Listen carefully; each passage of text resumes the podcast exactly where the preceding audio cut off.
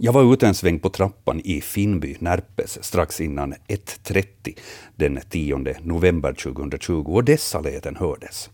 Det första hördes i syd-sydväst, cirka 20 meter ifrån, och det andra hördes i öster, cirka 50 meter ifrån. Vilka två olika djur har dessa läten?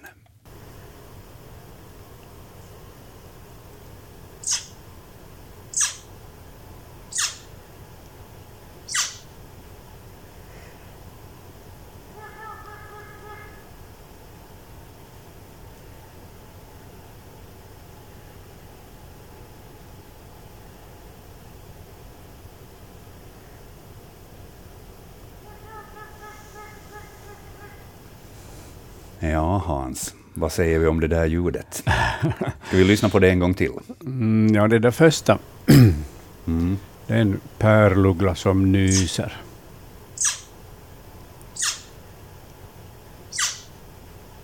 Ja, lite förkyld kanske. Men det där...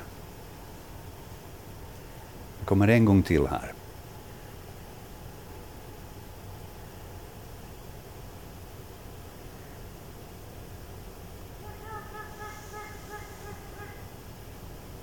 Har vi någon aning om vad det där rör sig om för, för ett djur? För ett djur, det måste det väl ändå vara. Jo, jo.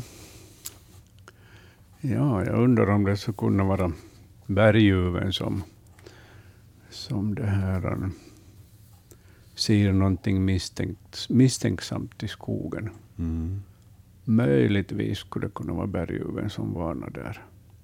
Och de trivs så pass nära varann. Uh, berguven nog, men inte pärlugglan. Pärlugglan blir ju uppäten av, av berguven, så att den får nog se upp med berguven. Uh, det här, den, I och för sig så nyser inte pärlugglan, men jag brukar, brukar säga att den nyser. Det är ett sånt där kiknande lite som den har, speciellt under hösten när den flyttar, flyttar det här söderut, österut eller västerut, beroende på vart den vill flyga. Ja. Men det är ett ganska typiskt läte som man kan höra under höstnätterna, just det här lite nysliknande lete. Pärlugglan, den kan vi säga med säkerhet att det Mm. var, men, men det andra ljudet, eventuellt berguv. Jag skulle säga berguv. Jag kommer inte på något annat djur som, som har ett sådant läte. Ja. Då, då låter vi det vara första svaret på första frågan i december månads upplaga av Naturväktarna. Vi får säga god förmiddag på er alla. Och välkomna med! Naturväktarna nu under höst, vinter och vår så är ju alltid första onsdagen i månaden mellan 10 och 12. Så det betyder att det är så länge vi håller på att sända idag. Och nästa Naturväktarna blir då sen på nästa års sida, 2021. Så ifall det är så att ni har frågor om djur och natur, hör av er till oss nu under förmiddagen. Expert idag Hans Hestbacka, mitt namn är Joakim Lax och frågorna det står alltså ni för. Ni kan skicka in dem per e-post på natursnabelayle.fi eller så kan ni ringa oss på numret 0600 11 12 13. Vi kommer att ta frågor om en säg 10-15 minuter ungefär per telefon. Innan det så har vi några frågor som har kommit in här tidigare som vi ska behandla. Och eh, ni som vill följa med vilka frågor det är vi håller på att ge svar på, eh, gå in på webben, svenska.yle.fi natur. Där hittar ni Naturväktarnas bildblogg och då är det enkelt att följa med vilka frågor det är som vi behandlar. Vi har fått in en hel del eh, och eh, vi siktar väl på att vi ska hinna med samtliga under dagens sändning. Men vi har några frågor som kom in redan förra månaden, eh, i början av november, som vi ska gå tillbaka till helt enkelt och besvara. Eh, den första, så den finns faktiskt på vår bildblogg också. Det är första bilden där och det är en bild på en sjöborre. Nämligen Bengt i Yttermark ringde in förra månaden och eh, hade fått tag i en sjöborre som hade fastnat i hans nät i Närpestrakten.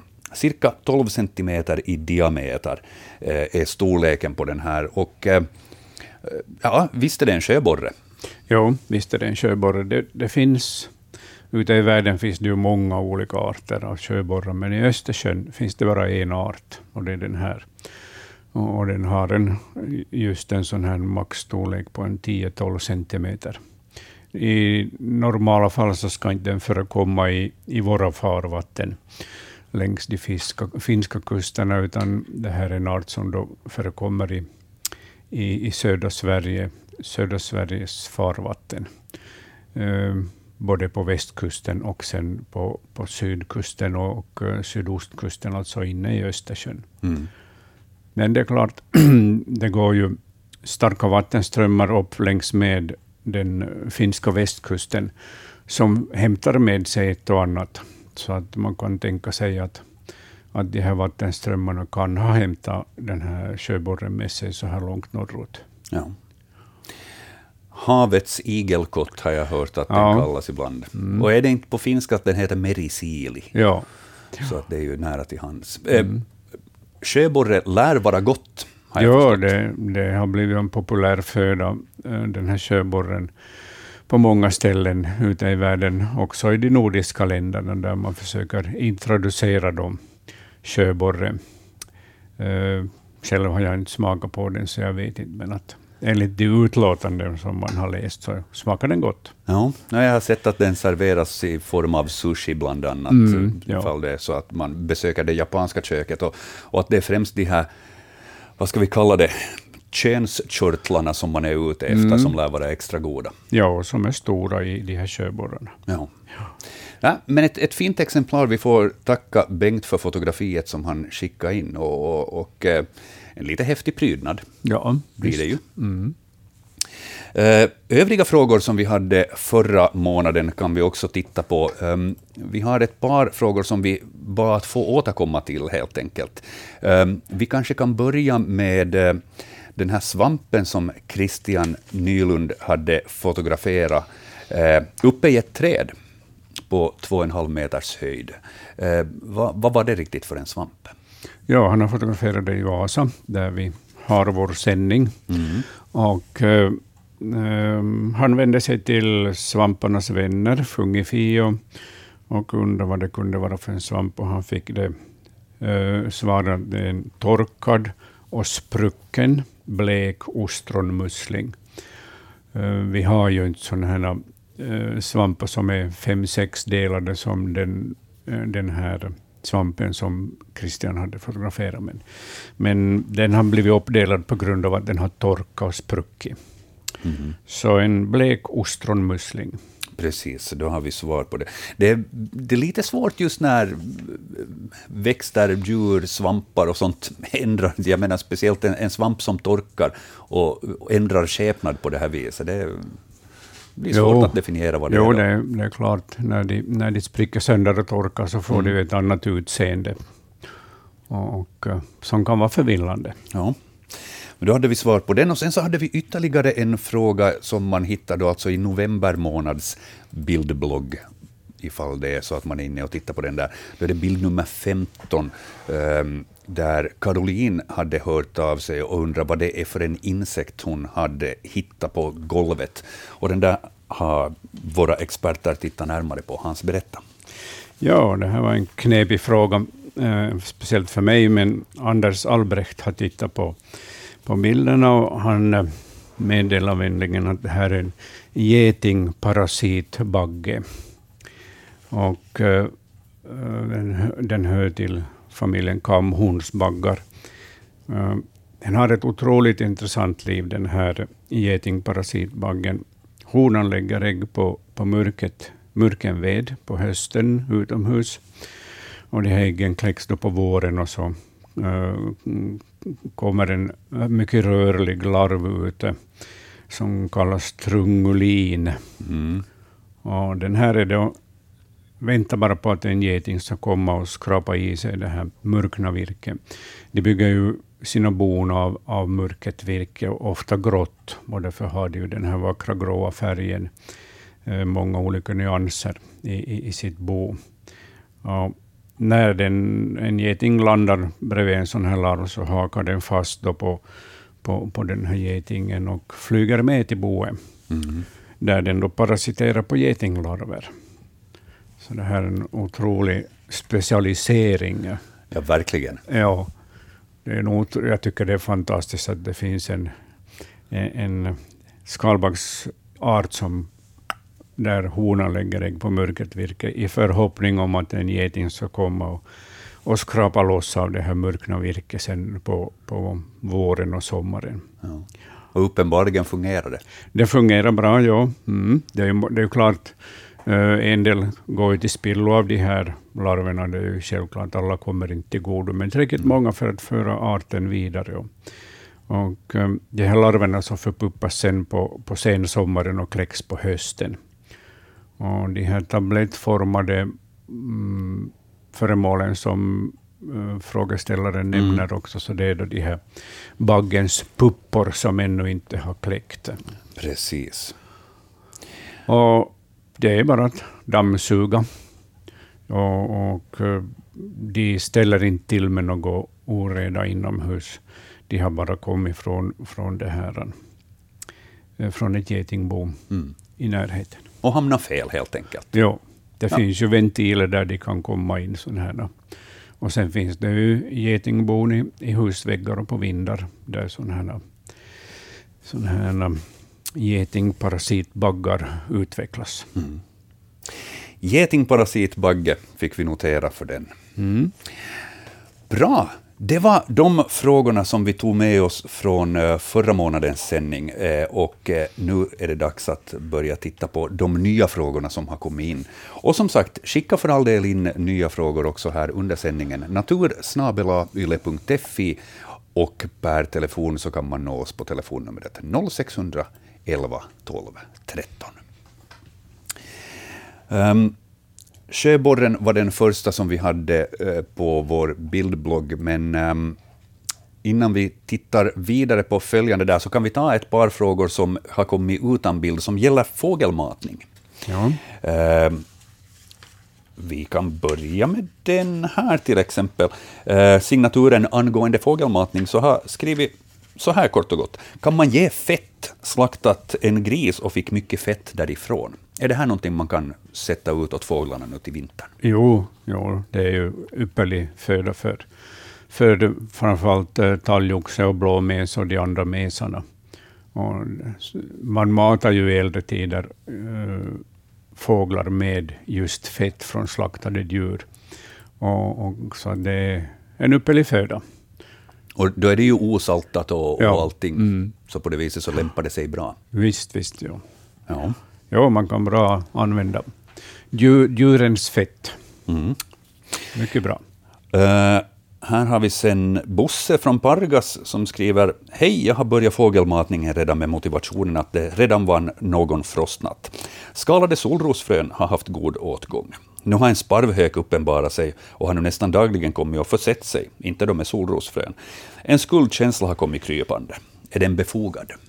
Nej, det är den inte. Eh, när man matar småfåglar så lockar man ju småfåglar från ett relativt stort område till sin gård. Och eh, då måste ju sparvhök och sparvuggla komma till gården för att kunna fånga sig föda som den annars skulle fånga ute i naturen. Mm. Men eftersom man har tömt naturen på de här småfåglarna, övervintrande småfåglarna, så, så kommer den till gården, den här sparvhöken. Eh, den är förstås framgångsrik i sin jakt och plockar mesar och gulsparvar och pilfinkar. Och, och när den har jagat tillräckligt många gånger så då brukar småfåglarna överge den här matningsplatsen. Och så kan de vara borta en vecka eller två eller tre. Och då försvinner sparvhöken också. Mm. Och sen återkommer de här fåglarna. Så dåligt samvete ska man inte ha, utan man kan ju passa på och eh, närmare granska den här sparvhöken då som håller till på gården. Ja. De brukar sitta ibland ganska öppet på nära håll, så man får se dem från köksfönstret bra. Mm. Och visst, det kanske känns som att man dukar upp ett veritabelt smörgåsbord åt, åt sparvhöken där, men det är å andra sidan, naturen har sin gång. Jo, visst är det det. Och det är lika viktigt att mata sparvhökar med sparvar som man matar sparvarna med solrosfrön. Ja, ja så är det. Eh, och eh, sen har vi Klara som har hört av sig med en sån här fråga. Hej, vårt fågelbord frekventeras mest av mesar med undantag av en domherre och, och en grönfink. Jag har märkt att fågelbordsbeteendet varierar hos mesarna och hos olika arter. Vissa, för det mesta talgoxar och även grönfinken, sätter sig ner på kanten och glufsar runt i sig, eh, gluf, glufsar lugnt i sig skalade solrosfrön, medan andra plockar ett frö och flyger iväg med det för att snabbt komma tillbaka igen. Vad beror det på att det också inom samma art har olika beteende? Är det inte energislöseri att flyga så mycket när man lika bra kan sitta på bordskanten och äta? Ja, men det är klokt att flyga in i ett buskage och äta solrosfrön, som ju en del mesar gör, för då mm. klarar de sig undan sparvhöken. Exakt. Men de som sitter vid fröautomaten eller på fågelbrädet och, och äter, proppar i sig frön, de blir först tagna av sparvhöken. Så att de som är försiktiga, de klarar sig längre. Och det finns de här variationerna bland småfåglarna, givetvis individuella beteenden. Eh, fåglar är också individer och har sina individuella beteenden. Så det är, men det är intressant att frågeställaren har suttit och iakttagit det här fenomenet och kunnat konstatera att jaha, de uppträder på olika sätt. Ja. Det är ju ett sätt kanske för fåglarna också att hålla sig undan lite sådana här sjukdomar som kan spridas lätt vid ett fågelbord också, genom att man helt enkelt bara hämtar maten och inte lämnar dit och så att säga häcka. Men det vet de ingenting om, Nej. utan det är nog de här farorna, sparvhök och sparvuggla, som de undviker på det här sättet när de tar ett frö och flyger i, in i ett buskage och äter det där. Mm. Smart beteende. Mm. 0611 12 13 är telefonnumret till Naturväktarna. Vi har ett samtal på tråden, så vi får säga god förmiddag. Ja, hallå? Ja, hallå? Jag är Paul Johansson här, hejsan. Hej Paul. Varifrån ringer du? Det, det är ju fågelmatningstider och jag råkade köpa ett havregrynspaket som var stora flingor och nu kan man väl ge det åt fåglarna utan att magarna sväller upp. Jo, man kan nog ge havreflingor åt dem. De reglerar det där själv, hur mycket, de, hur, hur mycket de äter. Mm. Om magarna spricker? Nej, nej, det gör det inte. Ja, men då var det bra. Ja. Mm. Tack och hej. Bra, tack så mycket. Tack, hej. Ja, eh, hur är det det här med om, om de reglerar själva hur mycket havregryn de kan äta utan att de sväller. Den här diskussionen som man brukar ha ibland huruvida man ska kasta ris vid bröllop för att duvorna äter det och sånt här. Ja, no, de sväller ju inte så mycket de här, eh, de här riserna och inte havregrynen heller, så att fåglarna klarar bra av det. Och dessutom har de ju en otroligt snabb ämnesomsättning, de bryter ner födan snabbt. Så att, så att, uh, jag kan inte tänka mig att de får något större problem om det här det kan ju finnas något enstaka exemplar som verkligen proppar i sig för kung och fosterland. Och, och de kan ju få lite besvär med, med uppsvälld äh, kräva eller, eller eh, muskelmage, men, men äh, nej. nej. Jag ser inte något större problem med det där. Följande samtal, vi säger god förmiddag, välkommen till Naturväktarna. Tack, tack. Eh, hur vanligt är det med en gråspett i mono? Eh, gråspetten i Mono som finns i Österbotten, så den sprider sig fortfarande, bland annat i Österbotten. Den har ju ursprungligen varit en, en hackspetsart som, som har, har förekommit bara i Nyland, alltså i ekregionen i södra Finland, sydligaste Finland. Men sen har den spridit sig norrut och, och här i Österbotten så observeras den på allt fler platser. Och, ja. Så att... Jag hade, hade han i två veckor och ja. så tänkte jag inte hitta honom i boken, men men så konstaterade jag då att en gråspetshana ja. och han, han är flitigt och på han tar i korven. Ja, precis. Mm. Men eh, i boken så finns det ungefär då var fåglarna finns i ja. Europa. Mm. Och så tänkte jag att han är inte alls i Österbotten på bilden. Ja, nej. Det är ett så pass nytt fenomen som man måste ha en helt ny, ja, ja. Helt ny bok för att, för att det här få eh, gråspettens utbredning i, i, dagens Finland. Ja.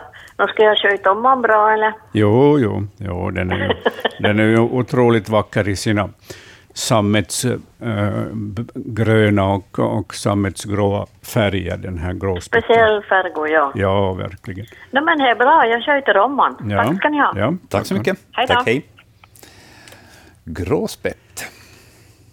Ja, det, här, det är en av de här få arterna som, som sprider sig i, i, i, det här, i vårt land och, och blir allmännare. Vi ska se om jag hittar eh, gråspett som vi skulle kunna lyssna på här. Ja, den har ett sånt där svagt fallande ply, ply, ply, ply, ply, ply, ply. Mm. Mm.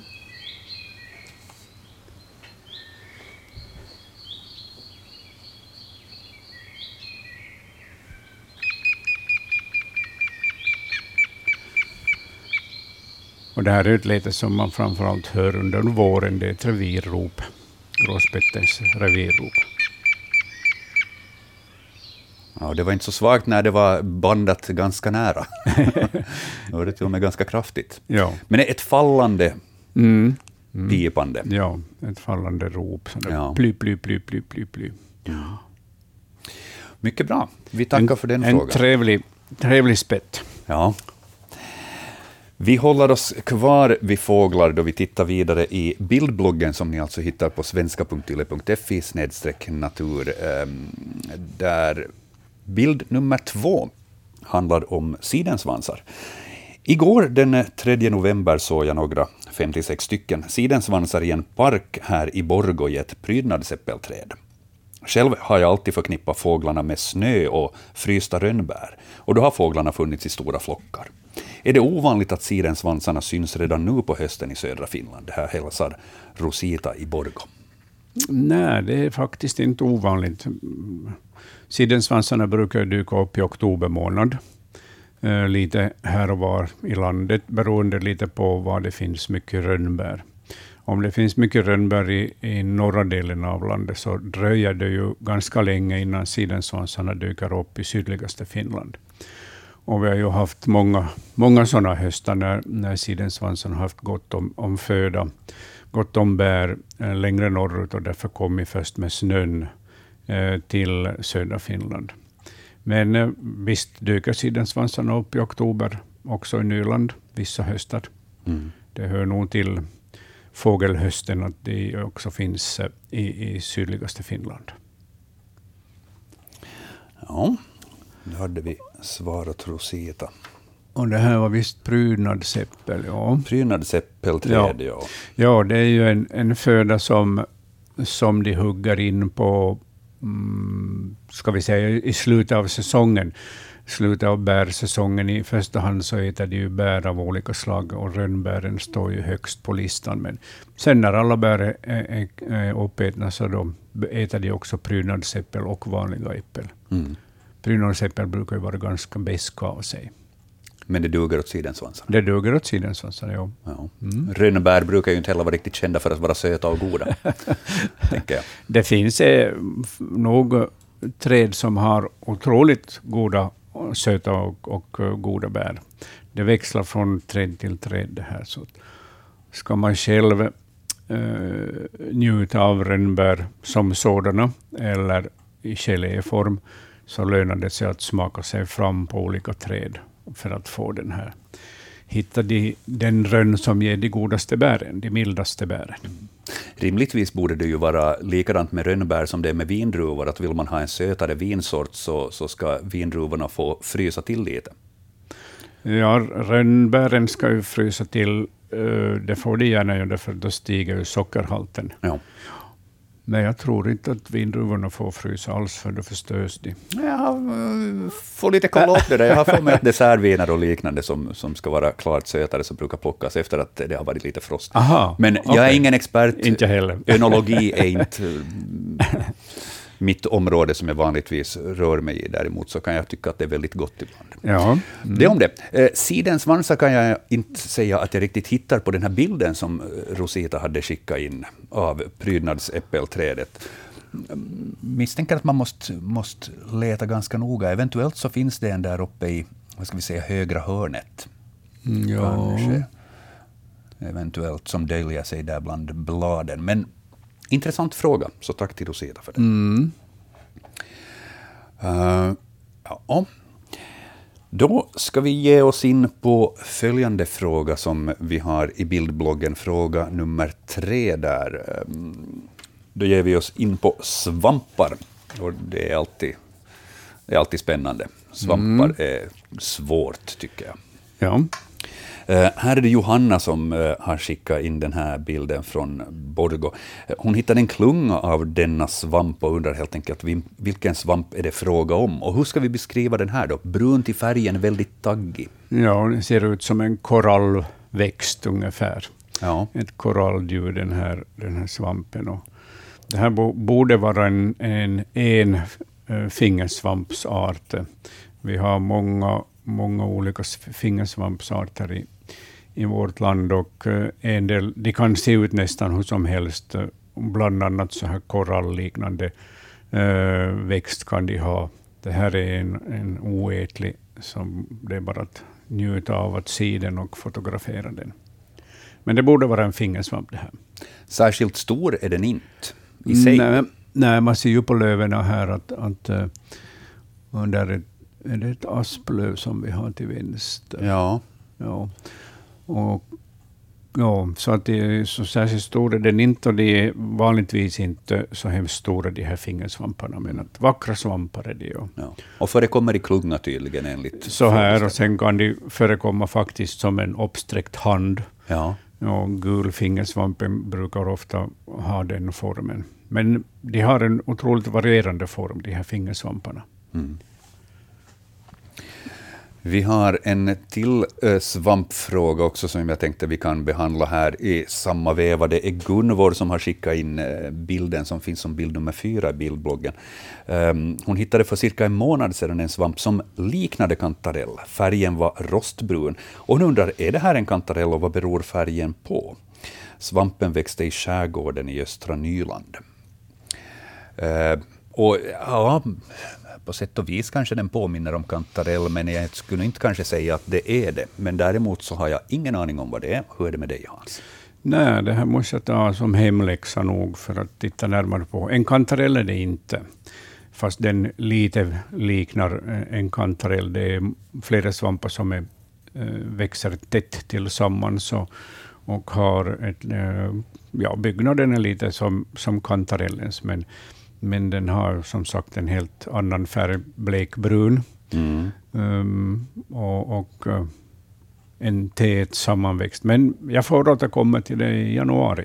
Vi tar det här som ja, en hemläxa och, eh, mm. och hälsar åt Gunvor att uh, svar dröjer, men det kommer. ja. Förhoppningsvis så lyckas vi ja. luska ut vad det där mm. 0611 12 13 är telefonnumret till Naturväktarna och eh, vi säger inte god förmiddag på den linjen, för där var det någon som hade satt på, men vi lyfter den där kanalen istället och säger god förmiddag. God förmiddag, det är Ia från östra Helsingfors. Hej Ia. Hej. Jag skulle fråga en sån här sak. Här för ett par veckor sedan så hade jag, eh, som jag kom till i fågelboken, eh, en liten hackspett att äta ja. av mina mina de här såna här bollar. Ja. Och, och, och det har jag aldrig tidigare sett. Den var alltså en 10-12 centimeter lång. Mm. Mycket smäcker. Ja. Eh, hur vanligt förekommande är den här här i södra Helsing i Finland? Nå, liten hackspett så, så hör nog till de ovanliga hackspettarterna, till de mer fåtaliga hackspettarterna i, i vårt land. Den är specialiserad på, på det här, eh, framförallt lövträd, mörkna lövträd som växer i skogskanter längs med bäckar, i, i alskogar, alstrandskogar och sånt där. Okay. Och, och, um, man ser den ganska ofta längs med sjöstränder, där, just där det finns alar och mörkna björkar. Ja, det, det, här, det här är nog riktigt upp på landbacken. Ja. Det här är nog en och en halv kilometer ner till sjön och havet så här. Så att, ja, men det är ju ingen, inget avstånd för en flygande fågel. Det går på ett, nej, i ett nafs. Ja. Ja, den, har, den har faktiskt börjat uh, här och där i Finland leta sig till fågelmatningsplatser också för att då njuta av, av de här utbudet av fett. Den kan också hugga in på, på nötter och frön, men framförallt fett vill den ha som de andra hackspettarna. Ja, det här var sådana här fettbollar som ja. var utsatta. Ja. ja. Den är ju otroligt nätt och liten hackspett. Ja, smäcker och fin och, och ja. på alla sätt vacker. Ja, ja. just det. Okej, men då är den inte så vanlig, så det var, var liksom är på det sättet lite extra. Ja, du får skriva upp den i dagboken. ja. Mm. Tack för det här. Tack. Mycket bra, tack för samtalet. Ja. Hej, tack, hej hej. Ja, det är bara att fortsätta att följa med oss ifall den dyker upp igen.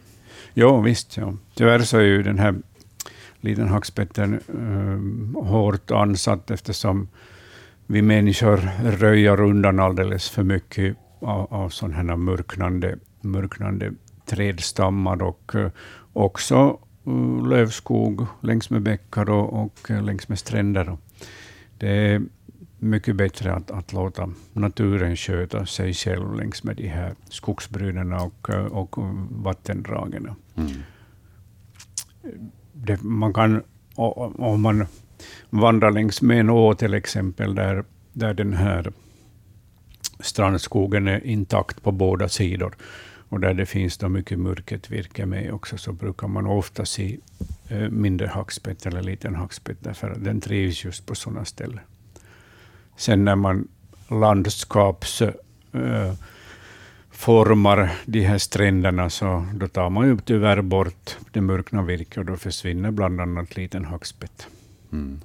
Man ska inte städa så mycket i naturen som vi gör, utan det är mycket bättre att låta naturen sköta, sköta sitt. Viktigt tillhåll för småkryp och fåglar ja. och, och mm. allt annat. ja, så är det. Vi får säga god förmiddag till följande lyssnare som ringer in. Hej, vem är det vi har med oss? Eh, är det jag? Ja. Det är Anders Rusk som ringer. Hej Anders. Och jag det där, han brukar hålla till i Kimito och, och, och, det är en sak som hände för, för två månader sedan ungefär i, i mitten på september, 21 september, så, så hade jag en kungsfiskare på bryggan. Åh, oh, se bara. Mm. Och, och det där, jag tänkte fråga, jag tänkte fråga Hans att att det där, hur, hur, hur vanliga är kungsfiskare nu i Finland? De är ovanliga. Det är, Den är en, skulle jag säga, en raritet i, i Finland, den här kungsfiskaren. Och, och den finns häckande här och där, men, men inte i något stort antal. Jag tänkte bara att, att hålla den, håller till vid havsstränder också, för när du läser i, i böcker och så vidare så brukar de prata om åar och, och bäckar och, och sånt här. Ja, men de kan nog fiska ute vid havet också. Okej. Okay. Precis okay, som mm, strömstaren. Man kan se fiskande strömstare uh, i skärgården under flyttningen både på våren och hösten. Så att också kungsfiskaren kan, kan uh, vara ute vid havet. Det viktiga är att den får tag i fiskföda. Ja.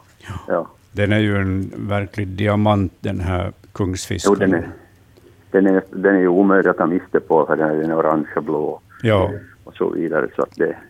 Fick, hade jag en annan, fick du, annan, fick ja. du iaktta den länge? Jo, jag satt nog och såg på den en tio minuter. Vet ah, vackert. Men, eh, men det är ju det att genast du öppnar dörren så... Ja. Och jag har en 15 meter till stranden där, så, så det där. Men med kikare så såg jag den bra. Ja, precis. Har den synts till många gånger sen? Nej, jag har bara sett den en gång. Ja. Det, det, det är liksom... Och jag såg den, eh, jag såg den, det var halv åtta på morgonen, det var lite sådär skumt, kanske ja. lite sådär, börja, det började ljusna ja. ordentligt, men, men den satt på bryggan och, och, och jag kunde iaktta den faktiskt i en, en tio minuter skulle jag säga. Ja, oh, vackert. Mm. Så, att, så det, var, det var en fin upplevelse. Ja.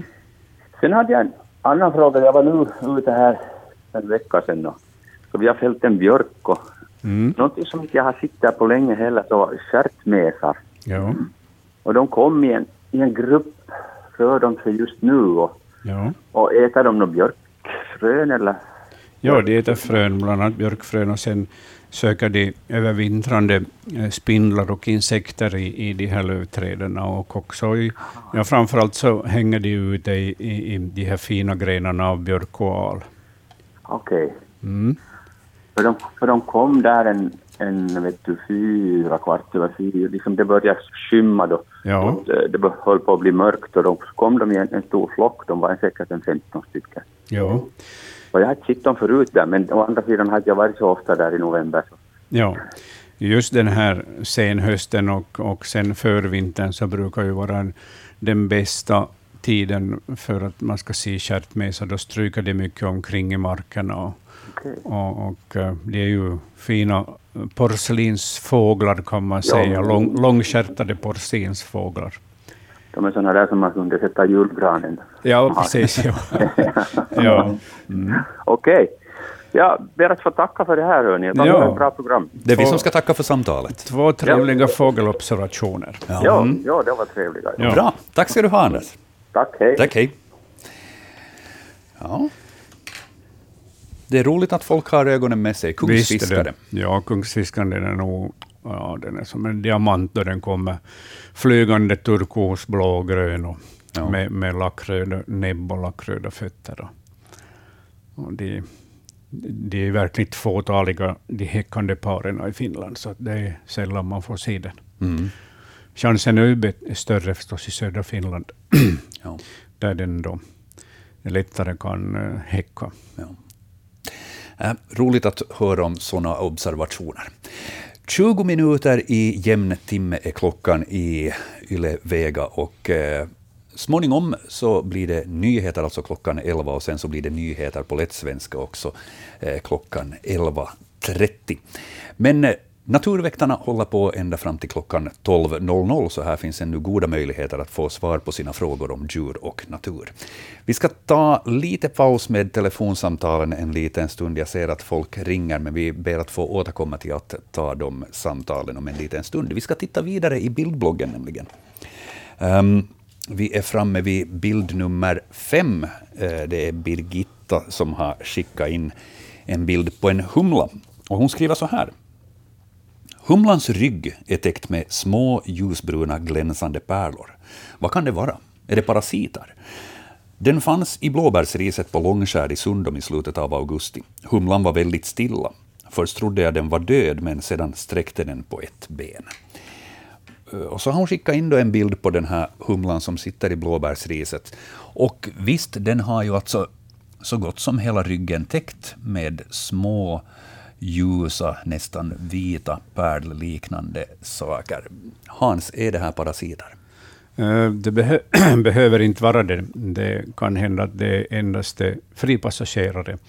Det är alltså kvalster som, eh, som det här eh, har mangrant, ska vi säga, borda den här humlan och, och låter sig transporteras med den här humlan till olika ställen. Och Eh, det finns många kvalsterarter som, som utnyttjar eh, humlorna som eh, transportörer helt enkelt, så att de kan sprida sig till olika blomster, där de lever då på nektar och pollen, eller till humleboet, där de här kvalstren, då, beroende på art, lever på olika avfallsprodukter i, i humleboet.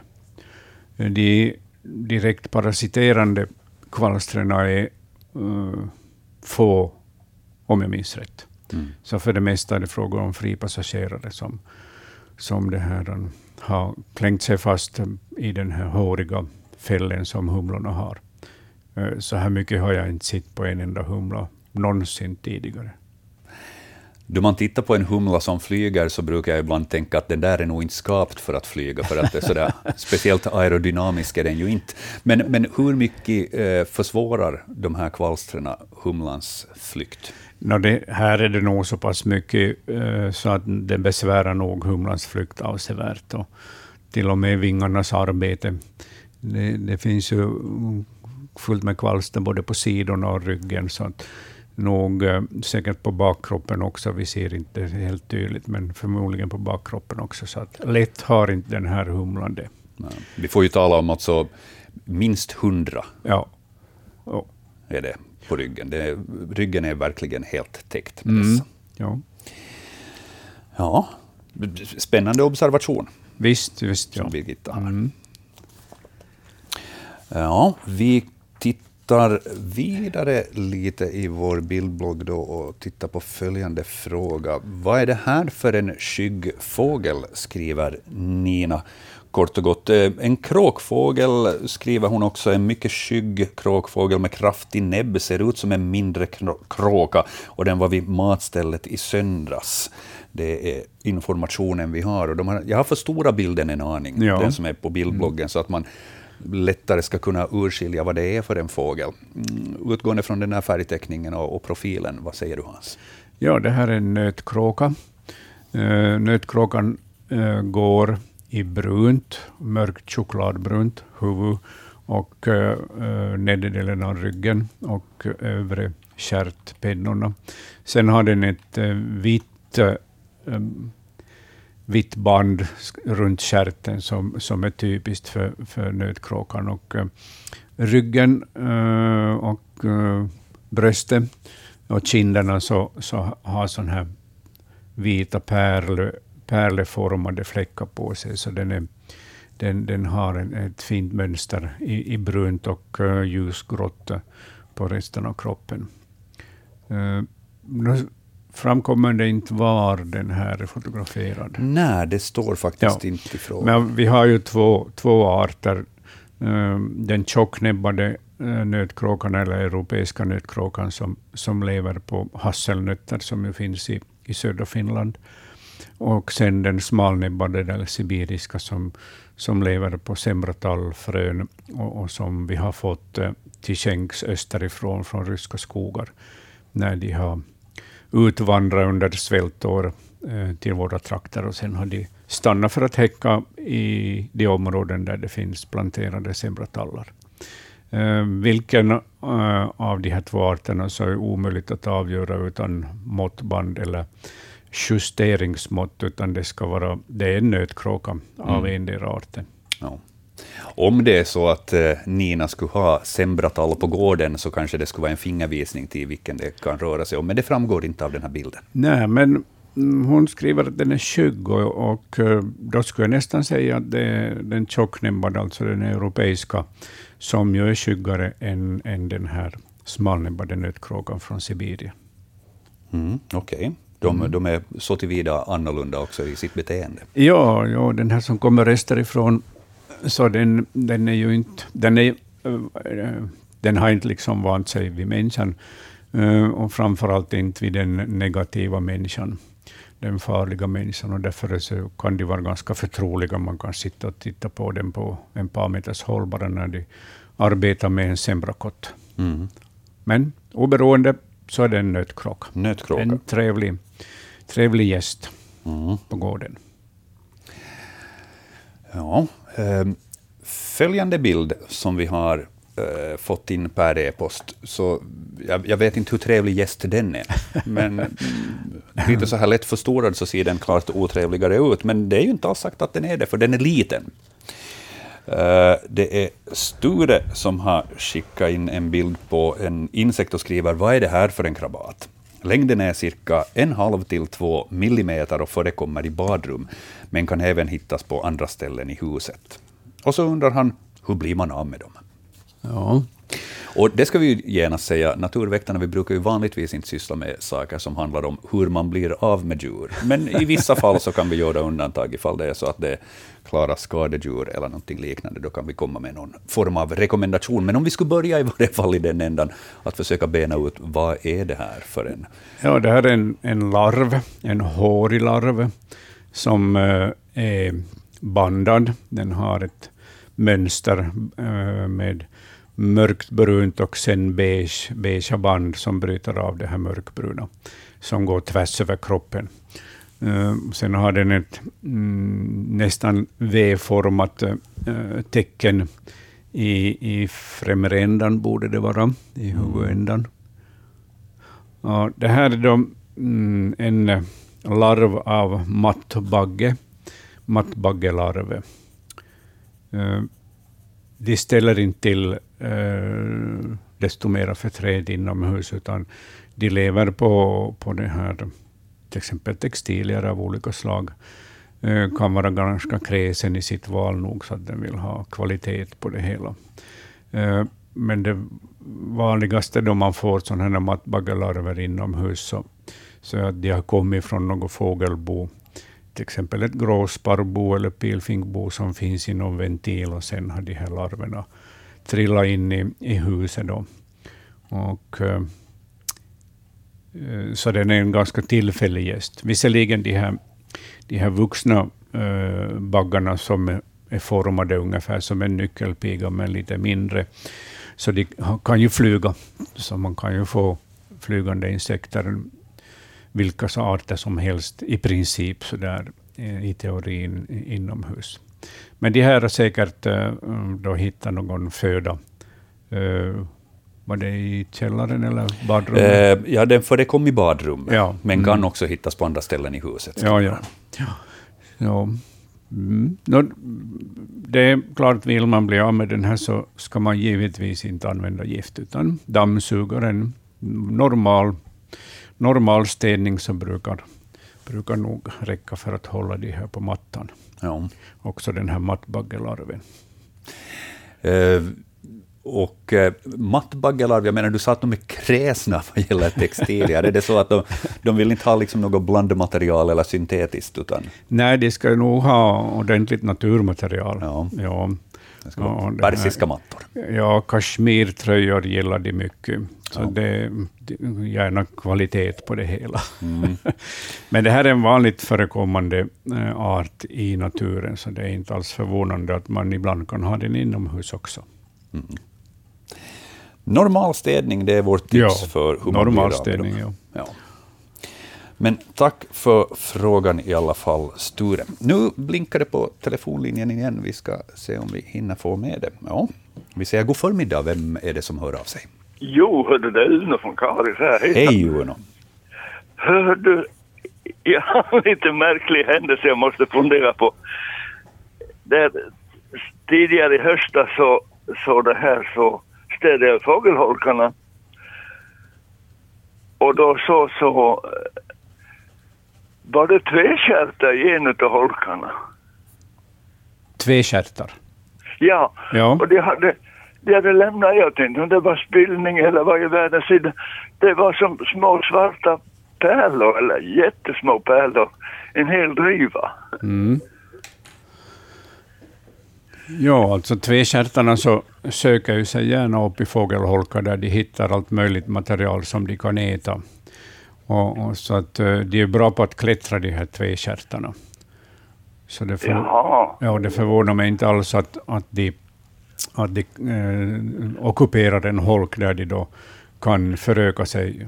Uh, det är ägg som de har lagt där, om det är små svarta pärlor. Ja, små svarta, riktigt, riktigt, riktigt runda på ja.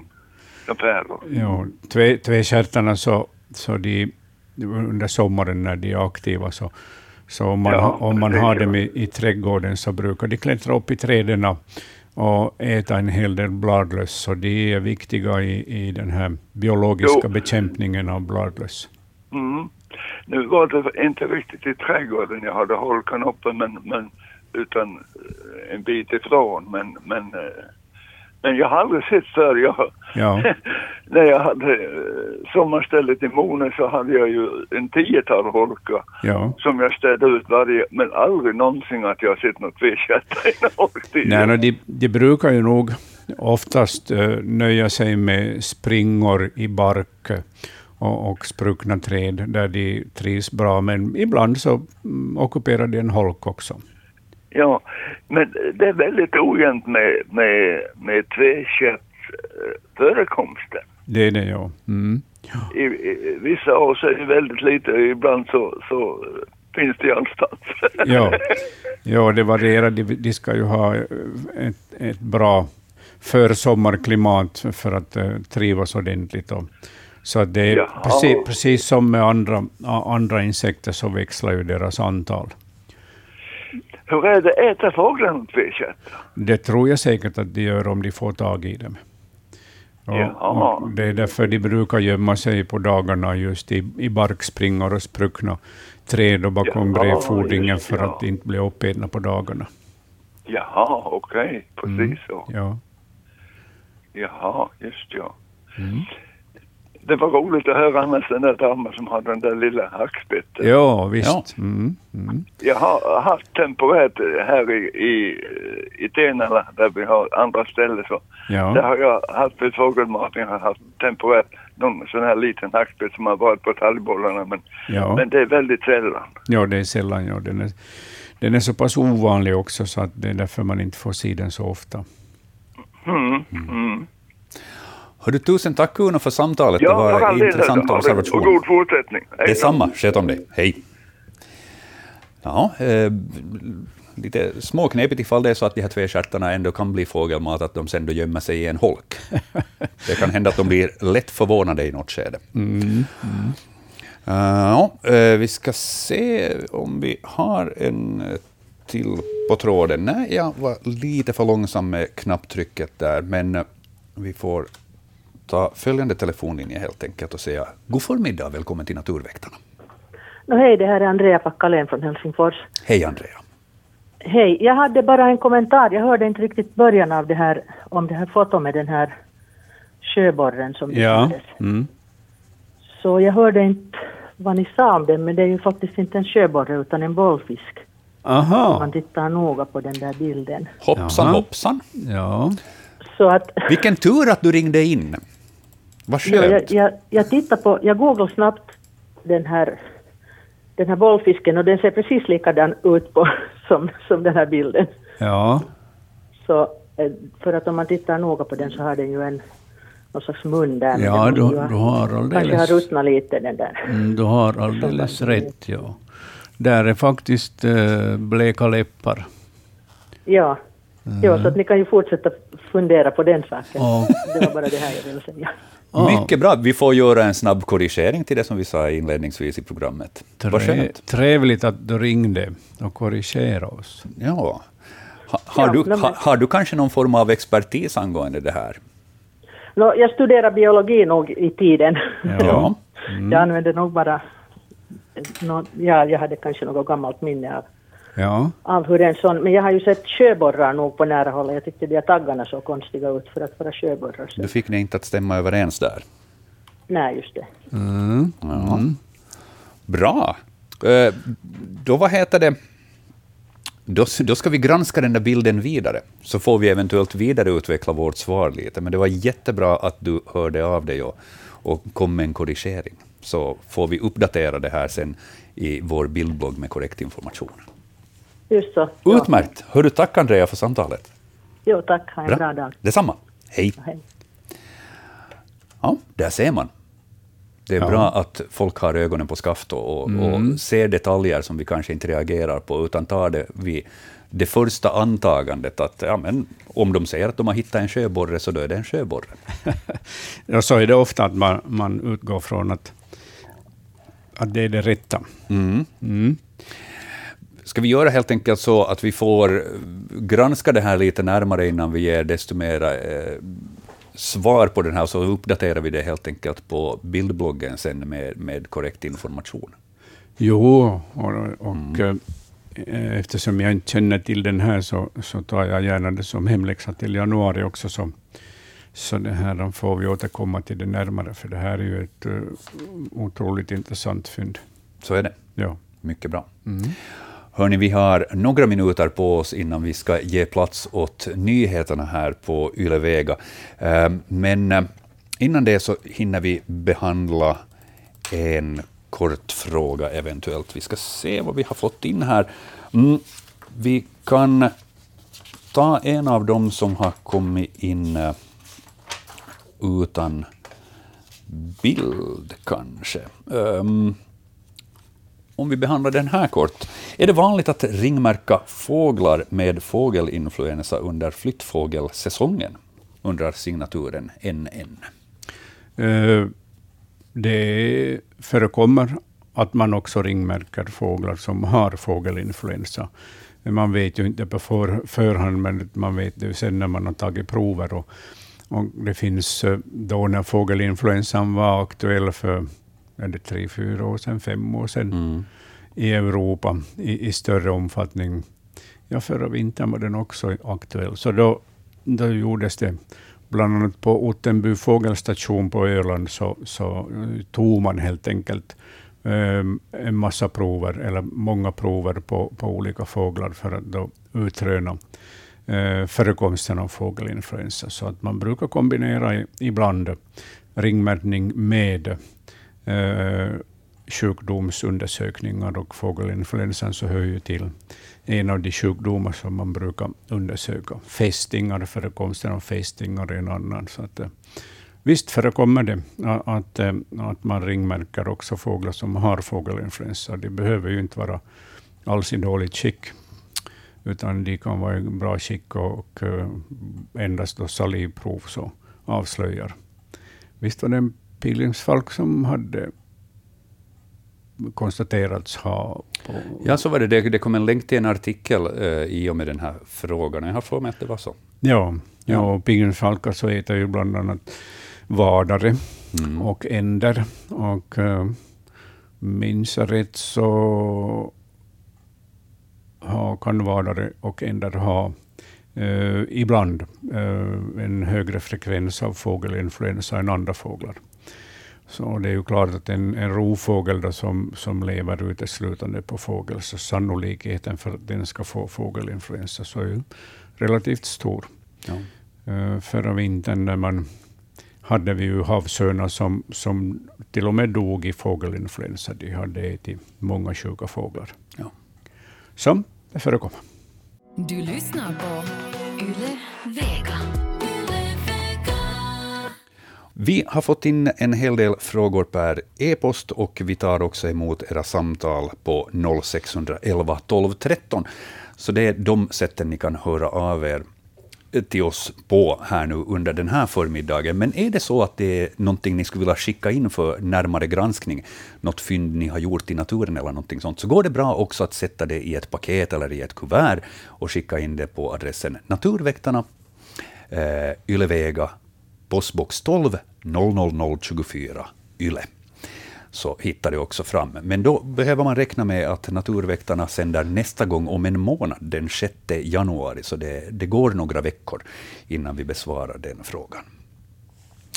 Eh, några av de eh, frågorna som har kommit in här under sändningen ska jag snabbt titta på här på e-posten, och främst de som har kommit in utan bild, för jag hinner inte lägga in de här bilderna här nu under sändningen.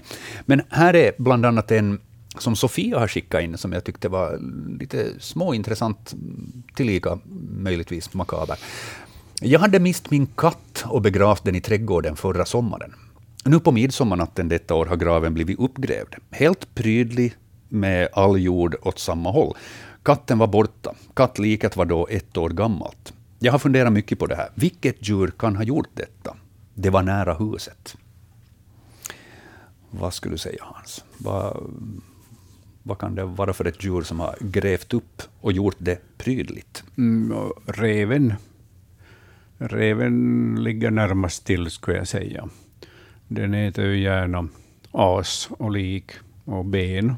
Och jag, jag, det, nu började lite på uh, hurdan jordmån det är i, i, i, den här, på den här platsen, men, men uh, åtminstone så finns ju benen kvar och en stark doft från, från det här liket. Så att, uh, Även fast det är ett år gammalt? Jo, jo. Mm.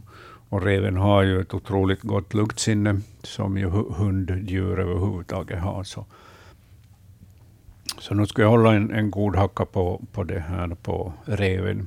Ett annat alternativ så, så kan vara mårdhunden, som ju också är allätare och äter allt möjligt. Mm. Är det någonting i det här grävbeteendet som eventuellt skulle kunna avslöja vilket djur det är, om det är rev eller mårdhund, om, om, om det är helt prydligt gjort med all jord åt samma håll?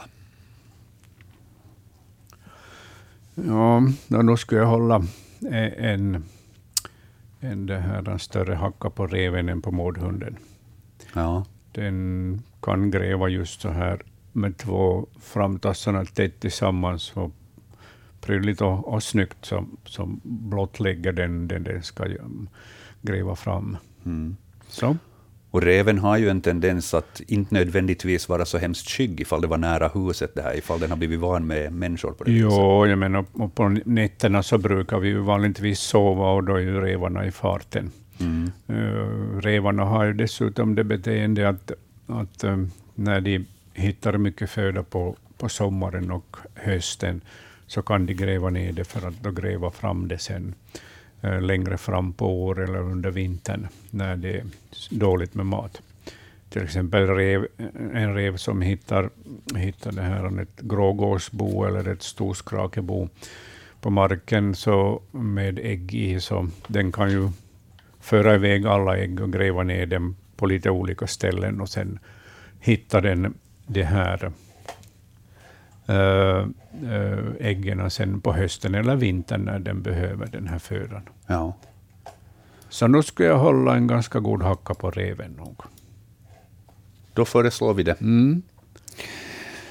Vi tittar vidare på bildbloggen eh, och är framme där vid bild nummer åtta. Och det är Thomas som har skickat in eh, följande fråga. Vi har märkt att en hackspett eller spillkråka hackat hål i brädorna under takutsprånget på sommarstugan i Vörå. Det här har skett i höst under några tillfällen då huset stått tomt. Eh, vad är orsaken till ett dylikt beteende och har ni några tips på hur man kan förhindra detta? Och visst, jag kan förstå att det kan vara lite enerverande, för om man tittar liksom på den här ska vi säga då, utstickande takdelen underifrån, så klara hål, två, nästan tre stycken. Vi har ett litet begynnande hål där också på gång, mm. där någon har förstorat mellanrummet mellan springorna och på det viset hacka hål. Um, omöjligt kanske att säga om det är hackspett eller spillkråka, utgående från de här bilderna. Men, men som frågan lyder, vad är, vad är orsaken till det här beteendet och, och hur kan man eventuellt förhindra det? Ja, det här färdiga hålet är så prydligt gjort så det kan vara faktiskt ekorret som har gnagat, gnagat det här hålet åt sig för att komma in då på, in under taket eh, där den kan bo eller övervintra, ha som vinterbostad. Eh, det brukar se fransigare ut när större hackspett eller spillkråka hugger upp sådana här hål i brädor. Ja. Det blir sådana fransiga kanter av det hela, men det här är så prydligt gjort så att det är mycket möjligt att det är en, en ekorre som har, har gnagat fram det här hålet. Men, när man, men för att återgå till frågan, så mm. uh, när man får spillkråka eller större hackspett som hugger, hugger det här hål på, på brevfodringen, det brukar vara alltså på den lodräta väggen, inte in under takskägget som det här är. Men i alla fall, när man drabbas av, av, en, av en spillkråka eller större hackspett som hugger in, hugger in sig då på, genom brevfodringen, så eh, ett medel kan vara att man hänger upp eh, en, en rad med blåa band som hänger ner från, från det här eh, takskägget framför det här stället.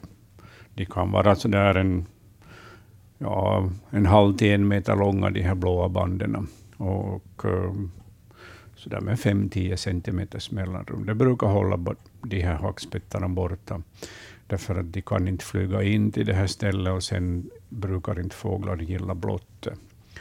Så det brukar vara en, en fungerande medicin i, i flera fall, de här blåa banden. Mm. Royalblått är den bästa blåa färgen. Det är att ge sig iväg till textilbutiken och be om att få det färdigt fransat. Ja, men det finns ju sådana här band, färdigt, blå, olika färgade band och blå, blåa finns i olika valörer.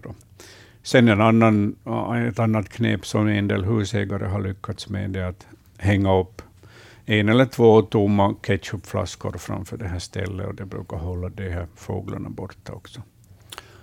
Jaha, vilken funktion har de? Ja, hackspettarna har ju röd färg på gässan och hannarna, så det kan ju fungera som, som ett sånt här eh, varnings, som en varningsfärg, att här är jag stor, stor och farlig hanne. Det är möjligt. Ja. Mm. Men det kan hända att det är kombinationen av färgen och att det hänger ner så där framför det här stället som hindrar det. Det blir lite problematiskt ifall man har ketchup av det märke där flaskorna är genomskinliga. det hjälper det inte så hemskt mycket, men då kanske de får mera formen som ett getingbo eller någonting liknande, och eventuellt så har det någon inverkan. Mm. Ingen ja. aning. Men okej, okay, eh, ketchupflaskor, blå band, där några tips. Mm. Jag hör, var det liksom bara att börja täcka in i någon form av plåt eller någonting sånt här? Nej, plåt så det blir nog för besvärligt, men eh, ibland när det... Alltså det är ju enstaka individer bland de här större hackspettarna och spillkråkorna som, som slår sig på det här att de ska in i husväggen. Mm. Det är ihåligt, det låter intressant, där kan finnas föda eller en lämplig bostad möjligtvis. Och därför hugger de sig in då genom de här brädorna. Så att när en sån här individ då har, har börjat med det, så, så ibland så måste man täcka in med, med hönsgaller eller revgaller eller minkgaller, hela den här övre delen av gaveln för att inte ska komma åt.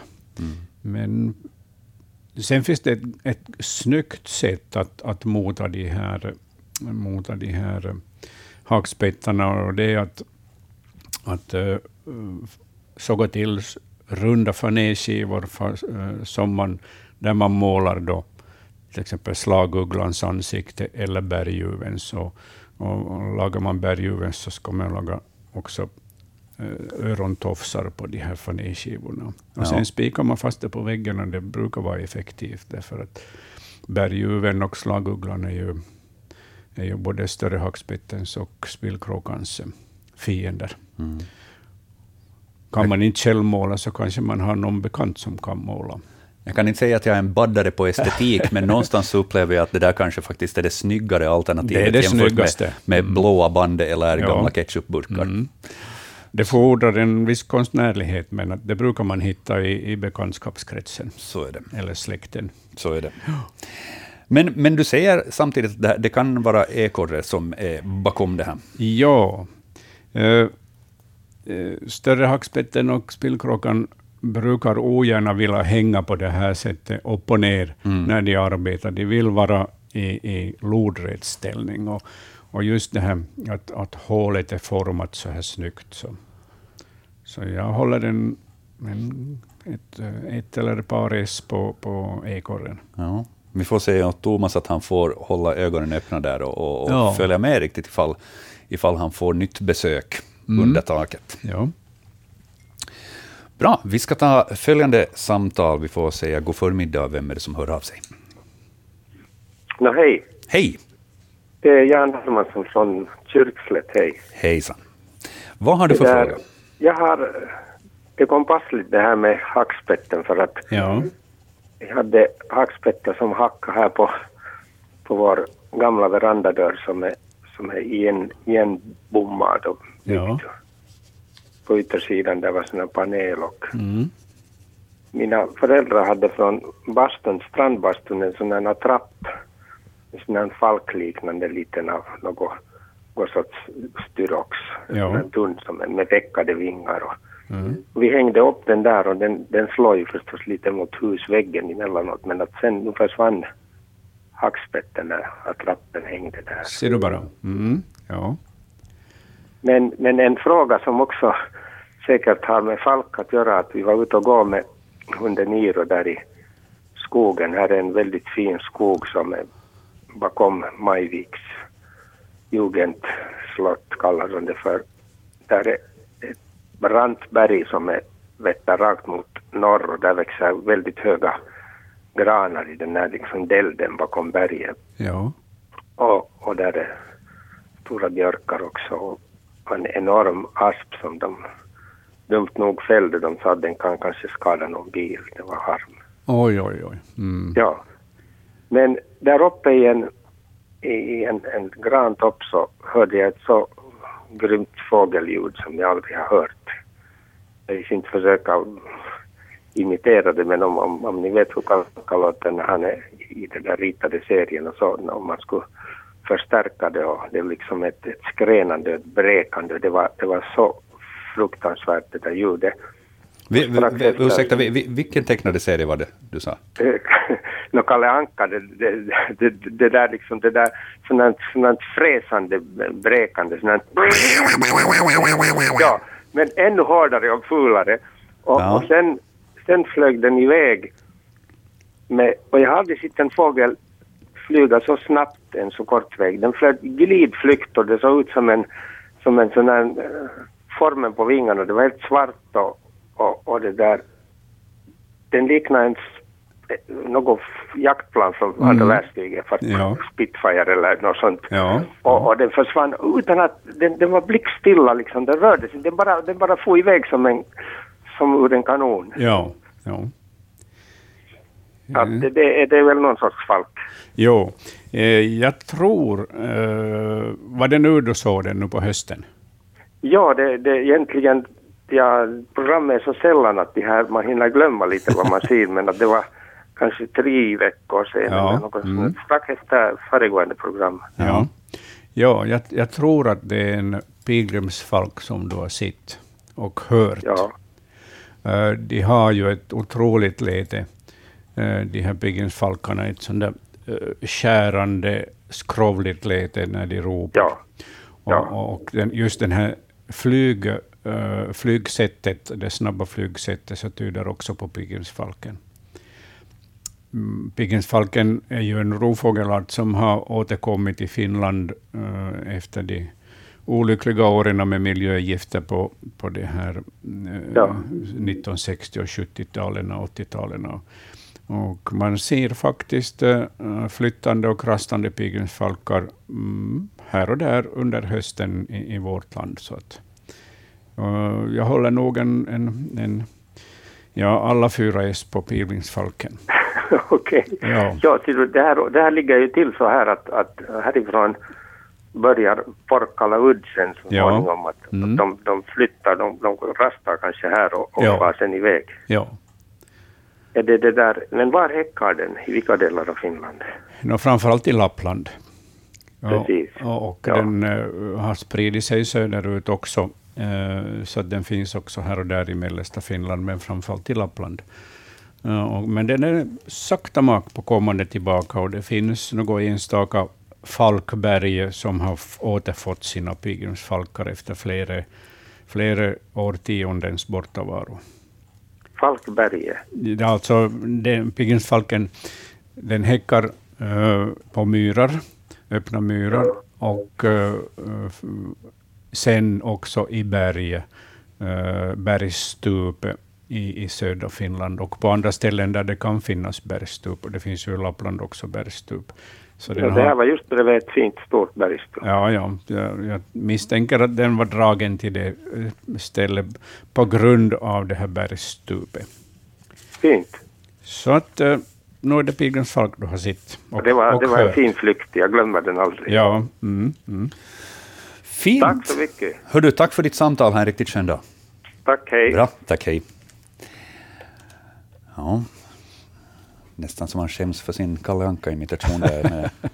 Vi går vidare helt enkelt. Pilgrimsfalk var det ja, som man hade sett. Ja, de, de, de har ett verkligt skränigt och skrovligt rop, de här pilgrimsfalkarna. Ja.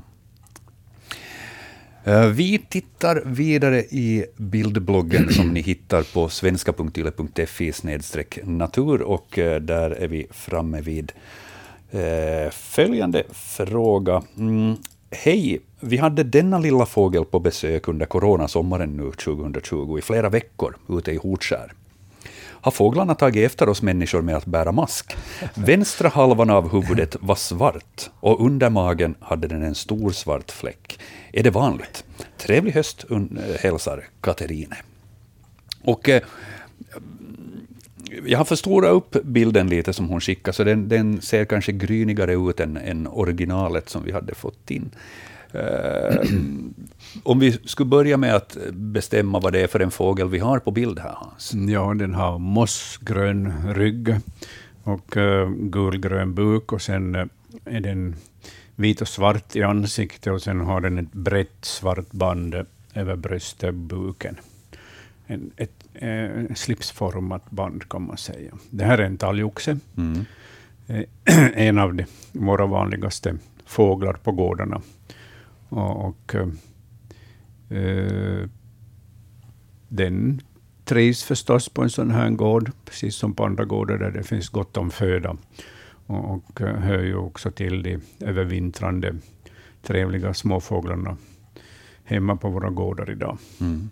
Och visst ser det ju redan ut i sig på en talgoxe som om den eventuellt skulle ha en mask så här i coronatider. Visst, ja, ja. Och nu mm. förstärks det här eventuellt om man tittar noga på bilden. Så är mm. det, eventuellt så har den alltså något vet du, något grässtrån eller någonting liknande i näbben som också gör att det ser ut som att den har maskens, de här gummibandsslingorna runt ja. öronen så att mm. säga. Men eh, ja, den, den, enda masken som de väl annars bär så är väl den som vanligtvis rör sig under mark. ja. Ja. ja, men en talgoxe ja. på besök. Mm. Mycket bra. Uh, sen uh, kan vi titta också på följande fråga. Den här kom in med uh, både ett fotografi och ett videoklipp, men det är bara det här fotografiet som jag har satt hit här först, men sen så har jag också lyft in en, en bild som jag har tagit från videoklippet, så att man kan se på så att säga, andra halvan av frågan. Eh, det är Martin och Daniel från Nago som skriver så här. På vår runda ner till båthuset i Nago så lade vi märke till dessa små vattendjur. Eh, de svärmade i skydd av bryggan och var tusentals till antalet. Vilket djur är det i fråga och vad kan det tänkas syssla med? Där var också en större öronmanet som simmade runt i svärmen. Det såg ut som att djuren ryckte till när, den kom, när de kom i kontakt med maneten. Kan maneten tänkas vara på jakt?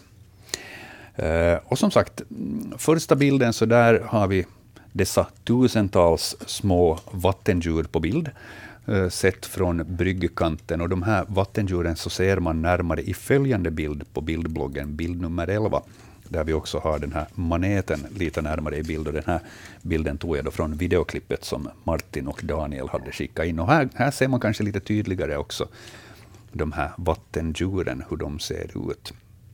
Och ja, tusentals det är det. De är, de är överallt runt den här maneten. Hans, vad rör det sig om för vattendjur? Ett litet kräftdjur som heter Mysis relicta. Eh, och, och eh, den samlas just på, på, på det här sättet under sensommaren och, och hösten eh, på grundvatten. Och, och bland annat siken brukar gärna jaga de här nu på senhösten och går in i, i, på grundvatten längs med stränderna för att frossa på de här mysiskräftorna. Så att, eh, ett eh, vanligt fenomen som man ibland får se när de kommer, de här stimmorna in till stranden.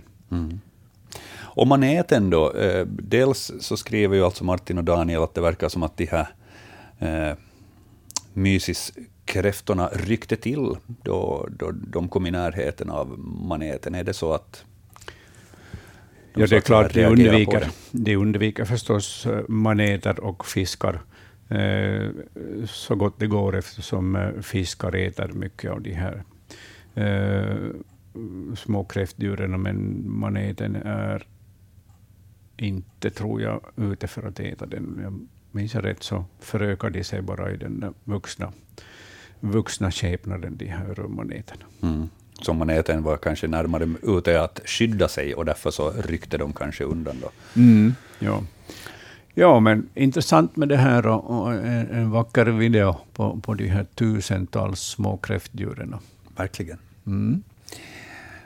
Vi tar ett samtal här snabbt innan vi ska eh, bjuda på nyheter på lätt svenska på den här kanalen. Vi säger god förmiddag och välkommen till Naturväktarna. Nu verkar det som att radion är på ganska högt där i bakgrunden, så då ber jag att du sänker volymen på din radioapparat där, så hörs det lättare. Ja, här är det min tur nu. Ja, nu är det din tur. Ja, eh, Henrik Vrede från Lilltervo. Jag har Hej, en kommentar här till spillkråkan ja. som hackar hål. Mm. Uh, jag har nog ett tips. Det är lite besvärligt och lite dyrt. Men om man i vindsvåningen lägger breddfodringen horisontalt istället för lodrätt. Så det hjälper mot spillkråkan. Det, det brukar hjälpa, ja. Mm. Ja. Jo, inte var det något annat. Men, ja, det... men det, var, det var ett bra tips. Japp, visst. Mm. Då tackar vi för det. Tack. ha en riktigt skön dag. Tack, hej då. Ja, varför inte? Det är ett sätt. Eh, I och med att det var ett så pass kort samtal så då hinner vi med ett till. Vi säger god förmiddag. Vem är det som ringer? No, det är Mikael Armberg här från Ekenäs. Hej. Hej Mikael. Hej, det där en fråga. Vad vet ni om fåglarnas metaboli? Det, där, om du tänker nu till exempel, säg nu fast en Se nu fast en höna. Den äter för det mesta frön och gräs och sånt. här. Och så har den en kräva mm. eller en, en muskelmage som då som liksom då malar sönder det så att den, får, den kan uppta födan. Ja. Men hur, hur ligger det till med en rovfågel? Den äter ju kött. Så i teorin så, teorin så borde den ju ha eh, i princip samma enzymer i sin, sin muskelmage som vi har i vår egen mage. Inte kan den ju annars bryta ner det köttet.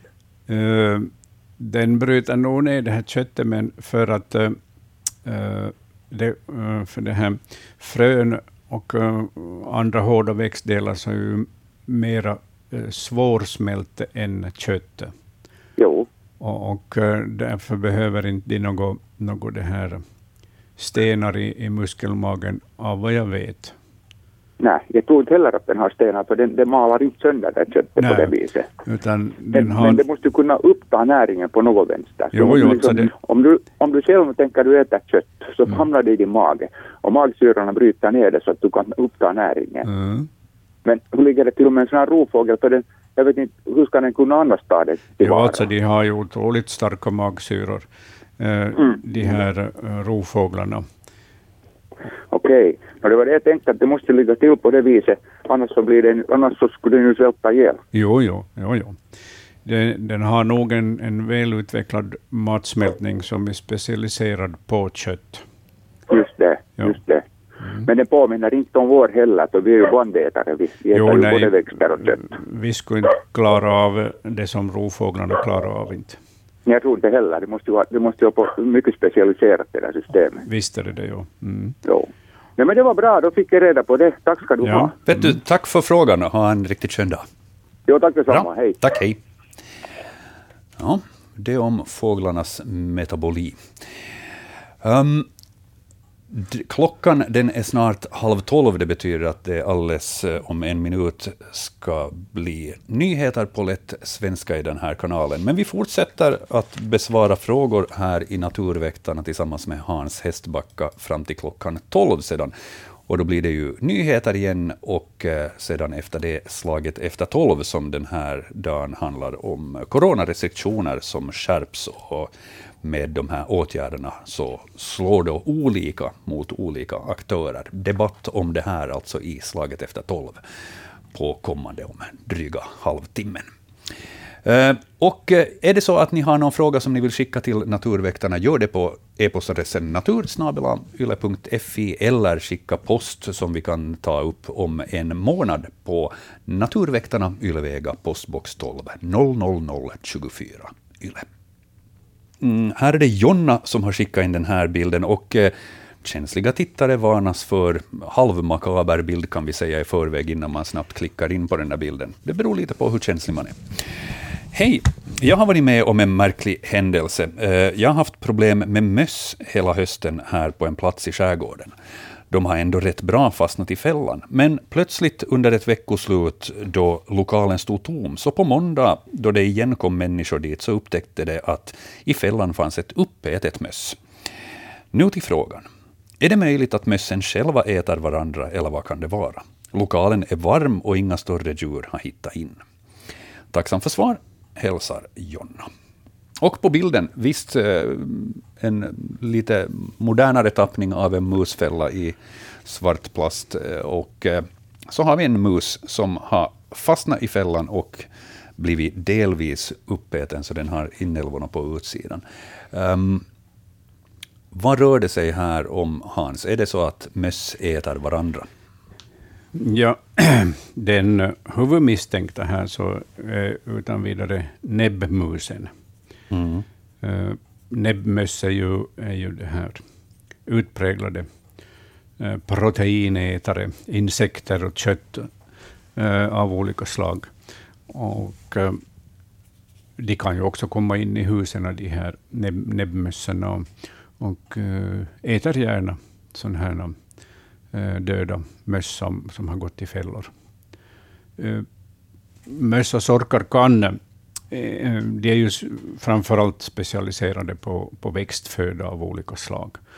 Frön och gröna, gröna eh, växtdelar och sånt Men, men de kan äta också en, eh, en, en viss del insekter och i undantagsfall också kött, alltså artfränder, om, om de måste, mm. men eh, helst inte. Så jag skulle nog stå, nästan tro att det, att det är näbbmusen som har varit framme här och, och ätit sig riktigt proppmätt på det här liket. Mm.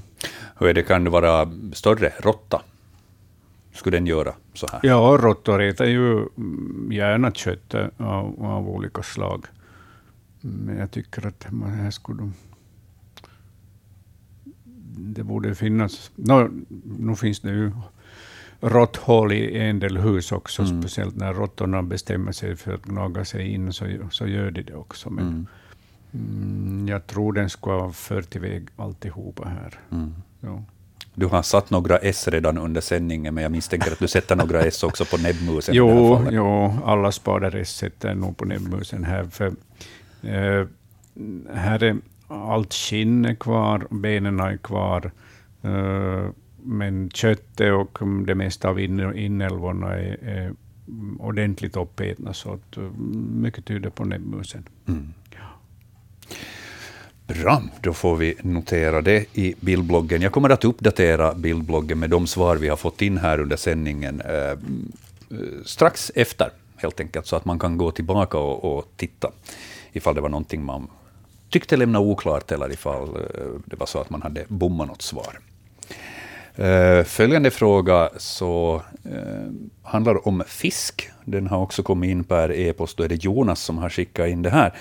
Ehm, han eh, skriver den här fisken kom med som ett yngel från en insjö när jag och min son hämtade grodyngel förr i sommar. Nu bor den i ett akvarium och ingen tycks veta vad det är. Så, vad är det för en fisk?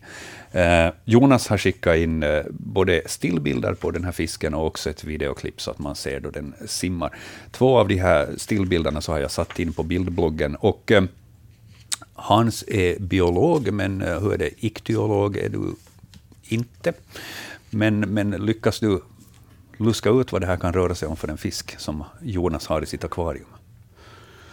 Ja, eh, no, av vad jag Eh, ser och vet så är det ingen inhemsk fiskart det här.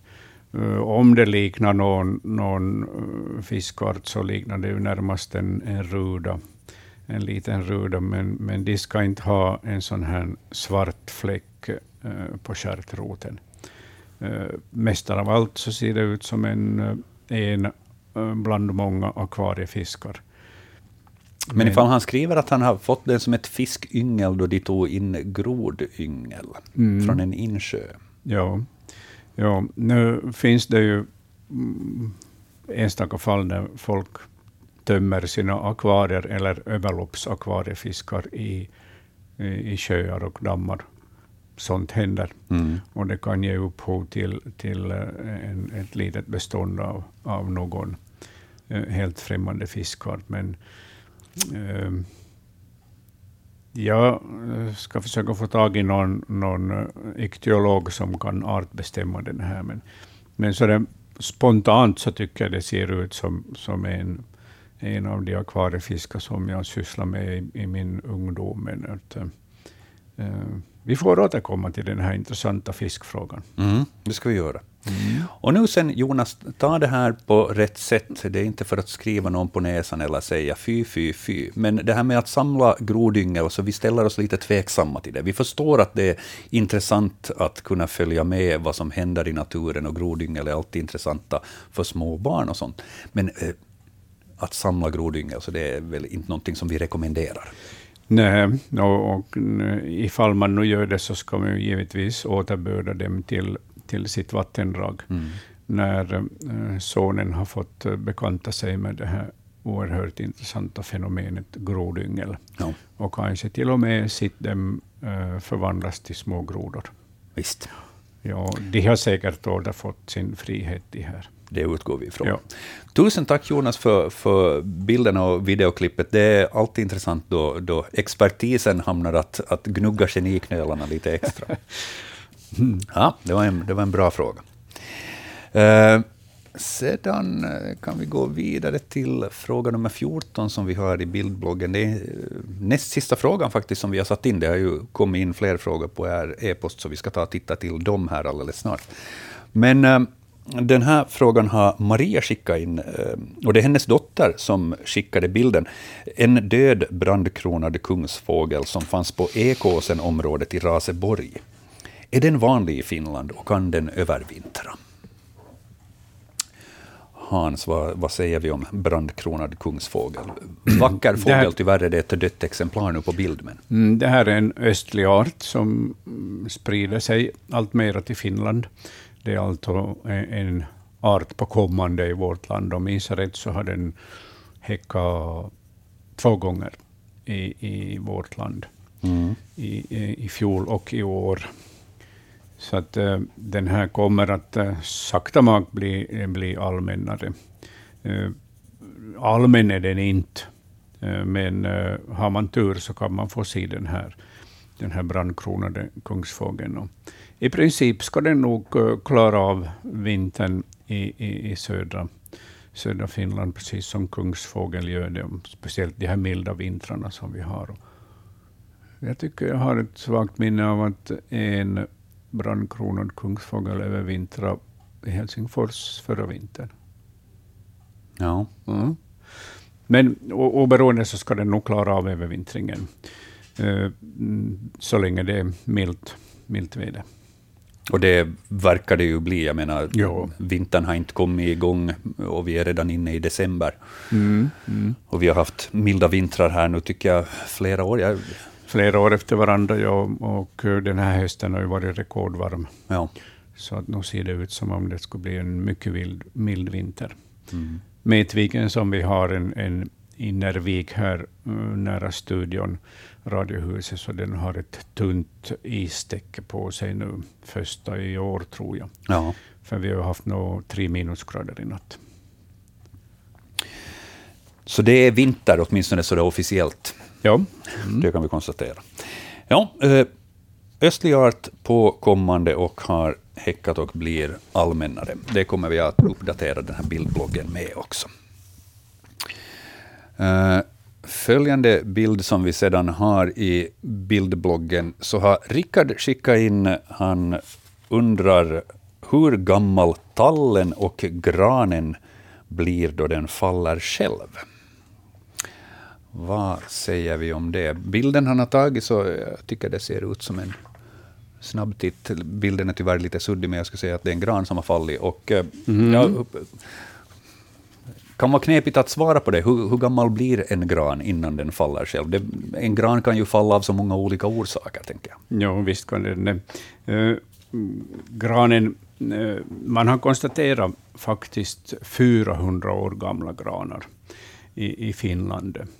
Och det är ju, det är ju en hög ålder faktiskt. Mm. Men redan som 200-åring så är den gammal.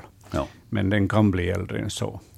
Och, och tallen kan bli 600 år gammal. 400 är, är redan en gammal eh, tall, men den kan bli äldre än så. Så att flera hundra år gamla blir de här. Båda. Eh, eh tallen äldre, blir äldre än granen. Men det är ganska sällan tyvärr då man rör sig i skog och mark som man får se så här gamla träd. För jag menar, skogsavverkning är vardag i vårt land och de här riktiga urskogarna, de här orörda skogarna. Så det är få förunnat egentligen att röra sig i en sån. Ja, vill man se verkliga urskogar så, så får man söka sig till vissa nationalparker och naturparker. Eh, det finns en del naturparker som också är öppna för allmänheten, men, men inte alla. Och, och, där kan man ju verkligen vandra i gammal, gammal härlig skog. Mm. Och, men eh, om jag ska söka, söka upp ett äh, gamla, gamla stora träd här i trakten, så är nog strandpromenaden i Vasa det bästa, för där finns det stora gamla träd. Så att äh, i städerna finns de sista stora gamla träden. det, det låter bisarrt, men du ja, har rätt. så är det, ja. Mm.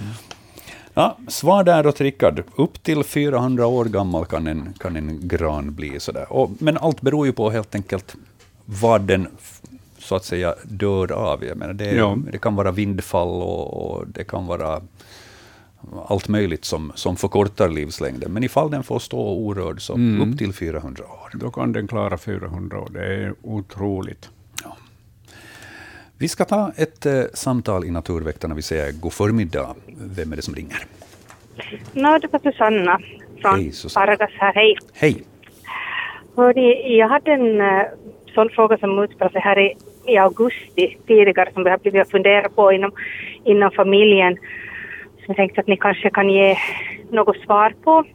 Det var en, en duva uh, som vi, vi hade, skulle ha lite kaffe ute i, trädgården och, och den här, det var en duva där som var väldigt närgången, eh, nästan påflugen, mm, som att den skulle inte nu, inte nu anfallig, för det var inte liksom, man uppfattar kanske inte något aggressivt, men alltså kom, kom på så att säga. Och har, var skadad kring, så ganska så här skadad ut i, i fjädrarna, var utan fjädrar på halsen och, och huvudet och lite så här övriga kroppen, kanske nu inte så där jätte den saknar inte fjädrar på övriga kroppen men den liksom var nog inte kanske så, så bra skick men, men huvudet och, och halsen var helt utan. Och den satt i träden men kom liksom och satte sig 10 cent ifrån. Man var rädd att den skulle liksom faktiskt komma och sätta sig på en och alltså upprepade gånger. Väldigt många gånger flög ovanför bordet, flög och satte sig på samma stol som man satt. Och man fick, den schasades inte iväg av att man viftade med händerna utan bara med en liksom, en, vi hade en sån där en, um, ehm, städkvast där nere, så man lite, om man viftar lite med den åt dens håll så då först flyttar den kanske lite på sig, men inte med händerna. Och flyttar man sig i trädgården när jag gick med barnen och, och plockade bär i bärbuskarna så flög den efter alltså. Och den var inte intresserad av, av bären utan av oss alltså. Man var rädd att den kom på. Ja. Mm. Uh, och jag undrar att den, någonting var ju inte som det borde, men att hade den, att uh, mer att vad kan orsaka, jag har inte upp, någonsin liksom påträffat en fågel som skulle vara så här aktivt närgången och under så här lång tid och faktiskt, mm. liksom, faktiskt försöka komma på människor och, och just att var den skadad, liksom sjuk eller av något annat eller var den, hade den blivit månne anfallen eller av någon rovfågel eller, eller varför månne ett sådant här beteende? Ja, vad hade den för färg den här duvan? Ja, det var det jag funderade vad var det för duva, men alltså det var en, en äh, alltså grå, grå, ja. att om det sen var ringduva eller tamduva så det var det som slog mig att det kan jag nu inte riktigt och kan sätta på rak arm att mm. vad det var. Hade den några ringar på fötterna? Nej, inte som jag lade märke till, nej. Mm, mm. Ja, jag tycker det här, det här ta, tama beteende så som pekar på att det skulle kunna vara en brevduva. Okej, okay. ja de, det tänkte vi inte på. Ja, och de ser ju en del brevduvor har samma färger som tamduva eller ringduva. Och just att den var så där sliten på halsen och uh, vissa fjädrar så kan tyda på att den har, den har misshandlats av andra duvor i ett duvslag, till, ex, mm -hmm. till exempel. Uh, ja. Men just det här beteendet så, så visar ju att den är, är helt uh, van vid människor. Mm. Och, alltså vi uppfattar det nästan som att den sökte liksom ja. hjälp, fast inte liksom, jag vet inte om fåglar kan göra det, men det var känslan man fick mm. liksom, men att mm. sen var man rädd för att om den just hade några sjukdomar eller någonting, ja, att därför ja. inte vågade att den riktigt komma nära, men att, ja. Jag, jag, tror den sökte mat av er. Ja. Ja. ja. Jo, no, det, det funderar vi också på, för ja. att det var ju där den kretsade kring. Men jo, det har jag inte alls tänkt på, att det kunde vara en, mm. en på det viset tamduma. Ja, ja. Okej. Okay. jag, jag, skulle nästan tippa på den brevduva som, som äh, har tappat bort sig och som var i uthungrat skick och lite dåligt skick annars också, som ville ha föda. Ja, no, vi gav frön, frön åt det sen ja. lite på lite skilt ställe, så att hoppas det nu. Ja gick i rätt riktning. Precis. Men man behövde inte vara orolig för att den, eller så att det ska vara an, haft en sjukdom eller så här, utan det tänker mer att det var att den har blivit av andra, andra duvor. Ja, det är alltså, duvor kan vara tuffa mot varandra och, och verkligen misshandla varandra och mobba varandra hårt. Så att, okay.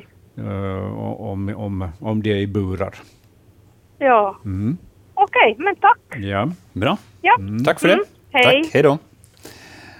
Uh, duvor som gör varandra illa, det är sån så kallad muckarduva. ja. ja. Mm. Okej, okay, men alltså en brevduva? Men brevduva... Eventuellt? Ja, varje sommar så dyker det upp brevduvor hos folk hemma på gården. En del är ringmärkta och då är man ju säker på att det är en brevduva, andra är inte ringmärkta. Och, mm. och då får man titta lite närmare på den. Och, ja. Sant? Men och, och just det typiska för, för brevduvor är att de söker sig till människor, för att människan, eh, ägarna matar ju brevduvorna. Ja. Mm. Mycket tyder på det. Ja. Intressant samtal av Susanna där. Eh, tack för det. Vi ska titta lite på den e-posten som har kommit in här under sändningen. Vi hinner tyvärr inte besvara alla. Gun i Kantlax hade skickat in en bild här som jag tyvärr inte får in på bildbloggen nu, men jag visar den snabbt åt Hans här. Och eh, Gun undrar vem, eller snarare vad, är, som, är det som har skapat detta konstverk? Kanske någon svamp? Bilderna som hon har skickat in så är alltså eh, eh, årsringar på ett träd, alltså en trä, ett träd som har, som har sågats och eh, eh inuti, det som närmar sig liksom kärnan av trädstammen, så är normalt träfärgat. Ja, medan de yttre ringarna då är... Mm, den har en, en vacker rödfärgad kärnved. Ja. Det skulle jag säga, en fura, en tall.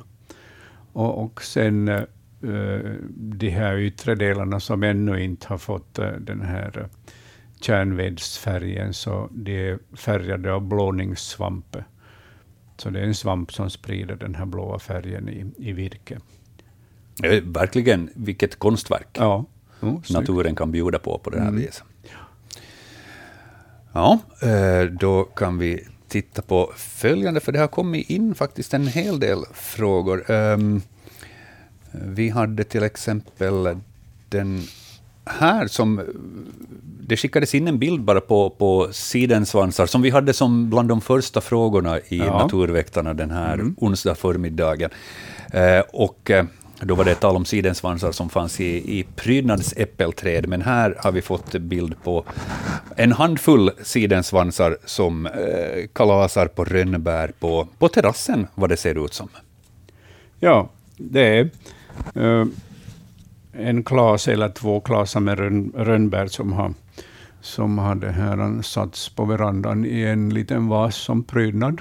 Ja. Och de här bären alltså har uh, sidensvansarna hittat förstås. Uh, och uh, hugger, hugger in på dem som bäst på bilden och äter upp de här, de här rönnbären. Säkert är rönnbären slut i gårdsrönnarna och därför kommer de till verandan för att äta upp de sista bären. Ja. De har en, otrolig syn, de här sidensvansarna, när mm. de söker upp eh, de röda bären. Och vilket fint sätt att få naturens skådespel så här nära inpå, så att man kan ja. sitta inomhus och följa med. Ja, eh, sen hade vi en sån här fråga, eh, som Carola har skickat in. Har en rådjursfamilj som har börjat besöka oss regelbundet. Tidigare på hösten för att äta fallfrukt och då satte vi även upp en saltsten som det går att slicka på. Och nu har vi också serverat det med äppel och havre. Carolas fråga är hur länge följer killingarna sin mamma? Och nu har denna mamma tre killingar och ibland har det också en bock med sig, så man kan väl tro att det är nya killingar på gång till våren. Blir det i flocken? Ja, åtminstone så kommer den här rådjursgeten att eh, jaga iväg eh, fjolårskillingarna eh, innan hon föder de här nya som är på kommande. Så att Eh, i hennes närhet får det inte vara de här fjolårskillingarna, utan de får klara sig bäst de kan. Precis så gör ju till exempel älgen också, och vitsvanshjorten. Jagar iväg fjolårsavkomman med hugg och slag förrän de föder de, fram de nya. Eh, de kan stanna i trakten och, och eh, ingår då i det här lokala beståndet av rådjur.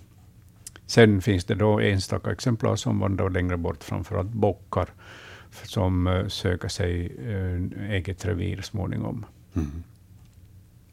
Jag skulle tippa att, att de kommer att ingå i det här lokala beståndet. Ja. Um, det var tidigare i sändningen tal om, om kungsfiskaren. Eh, mm. Vi fick ett samtal om det och Markus har kommenterat här att han har sett kungsfiskaren åtta till tio gånger under sommaren. Platsen är vid en av Kymmene älvs mynningar, närmare bestämt i Karhula. Fågeln har suttit vid strandkanten men även flugit och två gånger fångat fisk. Den har uppenbarligen flyttat eftersom den inte syns till sedan slutet av september.